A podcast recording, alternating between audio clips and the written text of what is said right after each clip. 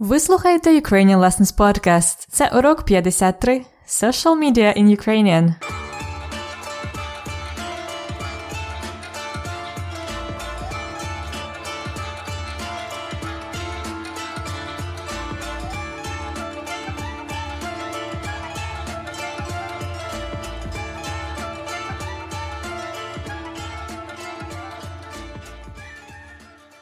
Добрий день, це Анна, ваша вчителька української. Що у вас нового? У мене багато роботи. Зараз я навчаюся і викладаю українську мову у Пенсильванському університеті. У нас є одна група студентів. Три студенти. Вони дуже розумні. Паралельно я, звичайно, працюю над Ukrainian Lessons і подкастом, тому що мені дуже подобається це робити. Я думаю, вам подобається слухати. Як добре, що є техніка і технології, які нам дозволяють це робити. Попередні два епізоди були якраз на цю тему. А сьогодні ми поговоримо ще трохи про технології і давальний відмінок. Сьогодні наша тема це соціальні мережі Facebook, Twitter, ВКонтакті. Ви є в соціальних мережах? Якщо так, то підписуйтесь на Ukrainian Lessons. У нас там багато цікавого. So in my brief introduction, I mentioned that I have a lot of work to do because I study and teach Ukrainian language in the University of Pennsylvania. We have one group of students, three students, and they are very intelligent. Also, I work on Ukrainian lessons and the podcast because I like to do it very much and I hope you like to listen to it. I said, як добре, how good that we have техніка і технології that allow us to do this. Today we will be talking about соціальні мережі, social media. Якщо ви є в соціальних мережах, if you are in the social media, don't forget to follow Ukrainian lessons there. We've got a lot of interesting stuff. So social media in plural in Ukrainian is соціальні мережі. Мережі are like networks, social networks. Well. Повторіть соціальні мережі. In singular it is соціальна мережа. Соціальна мережа. When you say the name of the social network in Ukrainian, pronounce it in Ukrainian way. So it's not Instagram, it's Instagram. Facebook can have two stresses. So we can say either Facebook or Facebook. I say Facebook usually. Also we have Twitter, YouTube, Google, and here is a popular Russian social media, Vkontakte, VK, VK.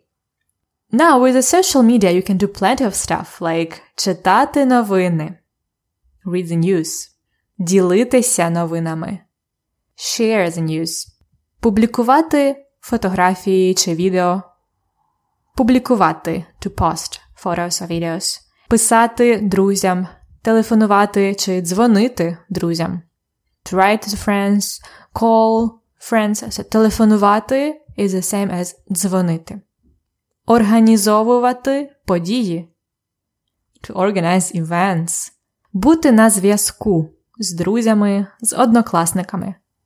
Бути на зв'язку is a way to say to keep in touch з друзями, з однокласниками. Однокласники are classmates. Однокласники. If you use social media, it could be a good idea for you to change the language of Facebook, for example, to Ukrainian. You will learn many useful words. А зараз ви будете слухати діалог. Галя і Тарас зустрілися на вулиці. Слухайте діалог і дайте відповідь на запитання. У яких соціальних мережах є Галя? Слухайте і дізнайтеся. Привіт, Галю. О, привіт, Тарасе. Рада тебе бачити. Я теж. Як ти? Все добре. А ти як? Чудово. Я думаю, нам треба частіше зустрічатися з однокласниками. Це правда. Ти є в соцмережах? Та був в контакті, але зараз він не працює. Я є у Фейсбуці, в Інстаграмі, в Телеграмі. У мене там багато контактів.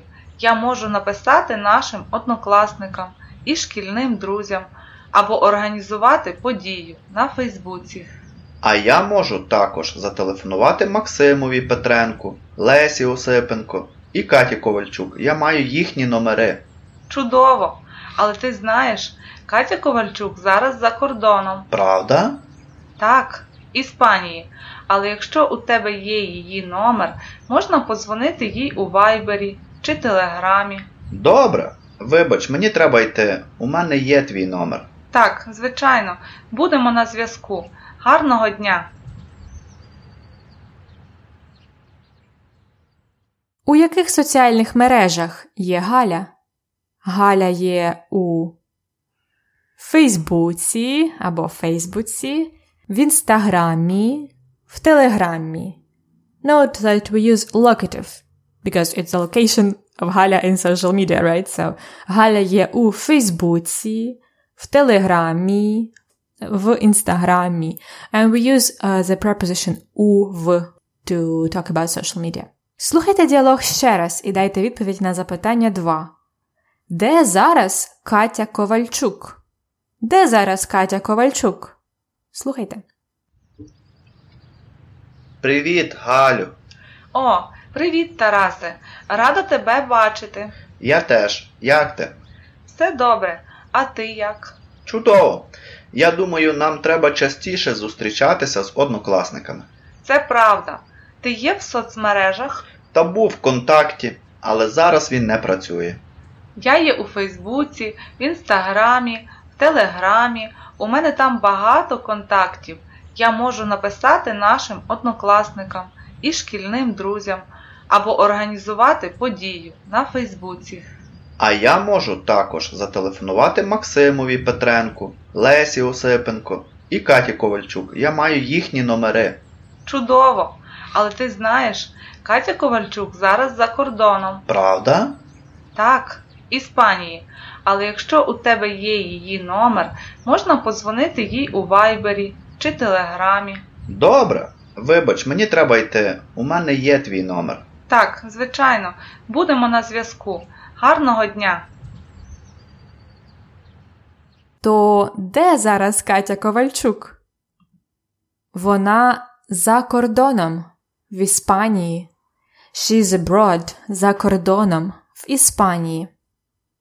Alright, so Галя і Тарас decided to organize an event to meet with their однокласники. They're going to get everyone together through соціальні мережі Facebook, Telegram, Viber. Have a listen to this part again. Я є у Фейсбуці, в Інстаграмі, в Телеграмі. У мене там багато контактів. Я можу написати нашим однокласникам і шкільним друзям. Галя says, I can write to our classmates and school friends. Я можу написати нашим однокласникам і шкільним друзям. Which case do we use and why? Of course, it's a dative case in the meaning of the indirect object, the recipient of the action. Написати. Однокласники, classmates are the recipients of the action писати. To write, as Галя will write to them. Я можу написати нашим однокласникам і шкільним друзям. Here is something new though. In this sentence we use a dative plural and you can get it, its endings from two examples. Нашим однокласникам і шкільним друзям. It's am, yam in the masculine nouns. Однокласники, однокласникам, друзі, друзям. It's uh, им, им, їм for the adjectives and possessive pronouns. Нашим, синім, твоїм. And the good news, it is the same for all the genders. Ура! So just try it. Твої сестри. Написати твоїм сестрам. Мої учні. Написати моїм учням. So basically the dative plural ending for adjectives and nouns is m and the vowel before it depends on the noun. Добре? Гаразд. Let's listen to one more example of the dative case in the dialogue. А я можу також зателефонувати Максимові Петренку, Лесі Осипенко і Каті Ковальчук. Я маю їхні номери. Я можу також зателефонувати Максимові Петренку, Лесі Осипенко і Каті Ковальчук. Я маю їхні номери. Here we have the first and the last names in the dative case. Did you notice something? Зателефонувати Максимові Петренку, Лесі Осипенко і Каті Ковальчук. There is one boy and two girls we're talking about. Максим, Леся і Катя. But we change only the boys' first and last names to the dative. Зателефонувати Максимові Петренку dative. However, we don't change the girls' last names, only their first names. So we say зателефонувати Лесі Осипенко і Каті Ковальчук. Осипенко, Ковальчук are the last names of these girls and we don't change them in any case actually. Again, the women's last names are usually not being changed in any cases. So for example, if you're talking about me, you would say Я знаю Анну Огойко. Я написав імейл Анні Огойко. Я зустрінуся з Анною Огойко. Огойко always stays the same. But if you were talking about my bro, you would have to change his last name. So you say Я знаю Миколу Огойка. Я написав Миколі Огойкові. Я зустрінуся з Миколою Огойком. This works with most of the Ukrainian last names, except uh, those ones that come from adjectives or are exactly like other nouns.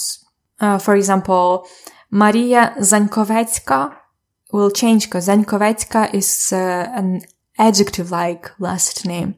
Lesia Ukrainka, Ukrainka will change because it's an, it's a, there is a proper noun like this, Ukrainka. Добре, а зараз послухайте діалог ще раз, щоб перевірити, як ви все розумієте. Привіт, Галю. О, привіт, Тарасе. Рада тебе бачити. Я теж. Як ти? Все добре. А ти як? Чудово. Я думаю, нам треба частіше зустрічатися з однокласниками. Це правда. Ти є в соцмережах? Та був в контакті, але зараз він не працює. Я є у Фейсбуці, в Інстаграмі, в Телеграмі. У мене там багато контактів. Я можу написати нашим однокласникам і шкільним друзям або організувати подію на Фейсбуці. А я можу також зателефонувати Максимові Петренку, Лесі Осипенко і Каті Ковальчук. Я маю їхні номери. Чудово! Але ти знаєш, Катя Ковальчук зараз за кордоном. Правда? Так, Іспанії. Але якщо у тебе є її номер, можна подзвонити їй у Вайбері чи Телеграмі. Добре. Вибач, мені треба йти. У мене є твій номер. Так, звичайно, будемо на зв'язку. Гарного дня!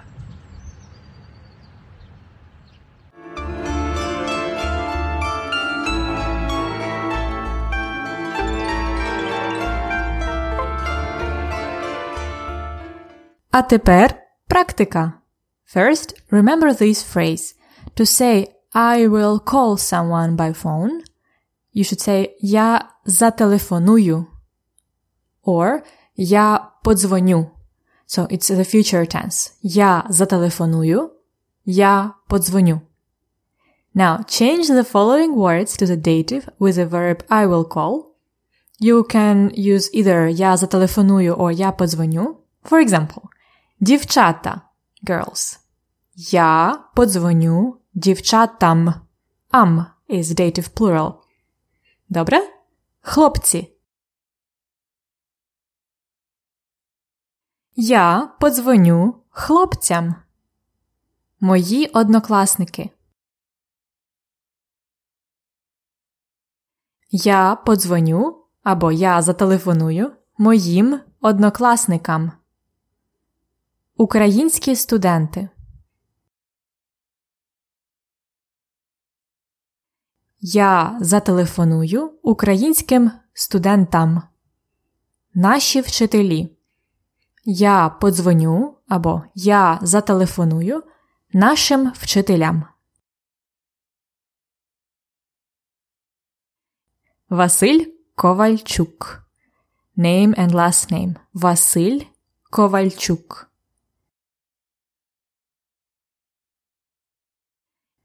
Я подзвоню Василю Ковальчуку. Or you can say я подзвоню Василеві Ковальчуку. Or there is also an option of я зателефоную Василю Ковальчукові. We have to change his last name. What about Оксана Петренко? Я подзвоню Оксані Петренко.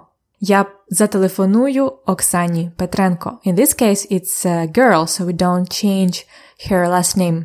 Оксані Петренко. As always, you can get more practice in the lesson notes of this episode.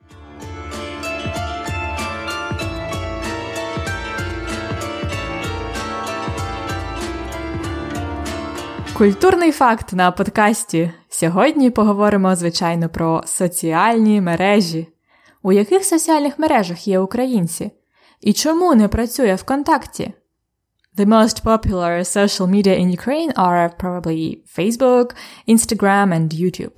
One of them used to be the Russian social network Vkontakte, but this May of 2017, Ukrainian government issued a law to block many popular Russian websites on the territory of Ukraine with the purpose to keep the national security and to fight the propaganda. VK was mostly popular among the de- teenagers and students, and it was mostly entertaining social network, whereas Facebook for Ukrainians is considered to be more serious social media where you can express the opinion and discuss important issues. Like in 2013, Facebook and Twitter were the first platforms to unite people to start the protest against the corrupted Ukrainian government.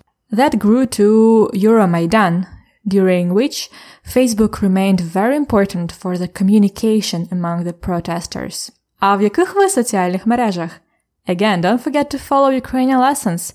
Ми є у Фейсбуці, в Інстаграмі, в Твіттері, в Google+, і навіть в Пінтересті. Приєднуйтесь! Join us!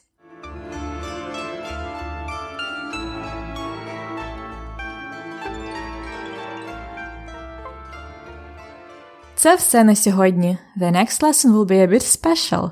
I want to experiment with the types of the episodes and create a lesson on the communicative phrases that you could use for the specific purposes. Let's see how it will be like. For today's episode, as always, we have the lesson notes with the transcript, translation, dative plural table and exercise, and the word list of all the new words. Join the premium membership to receive those notes every week and join our community to practice more Ukrainian. Find out more at ukrainianlessons.com slash episode 53. ukrainianlessons.com slash episode 53. До наступного уроку! На все добре!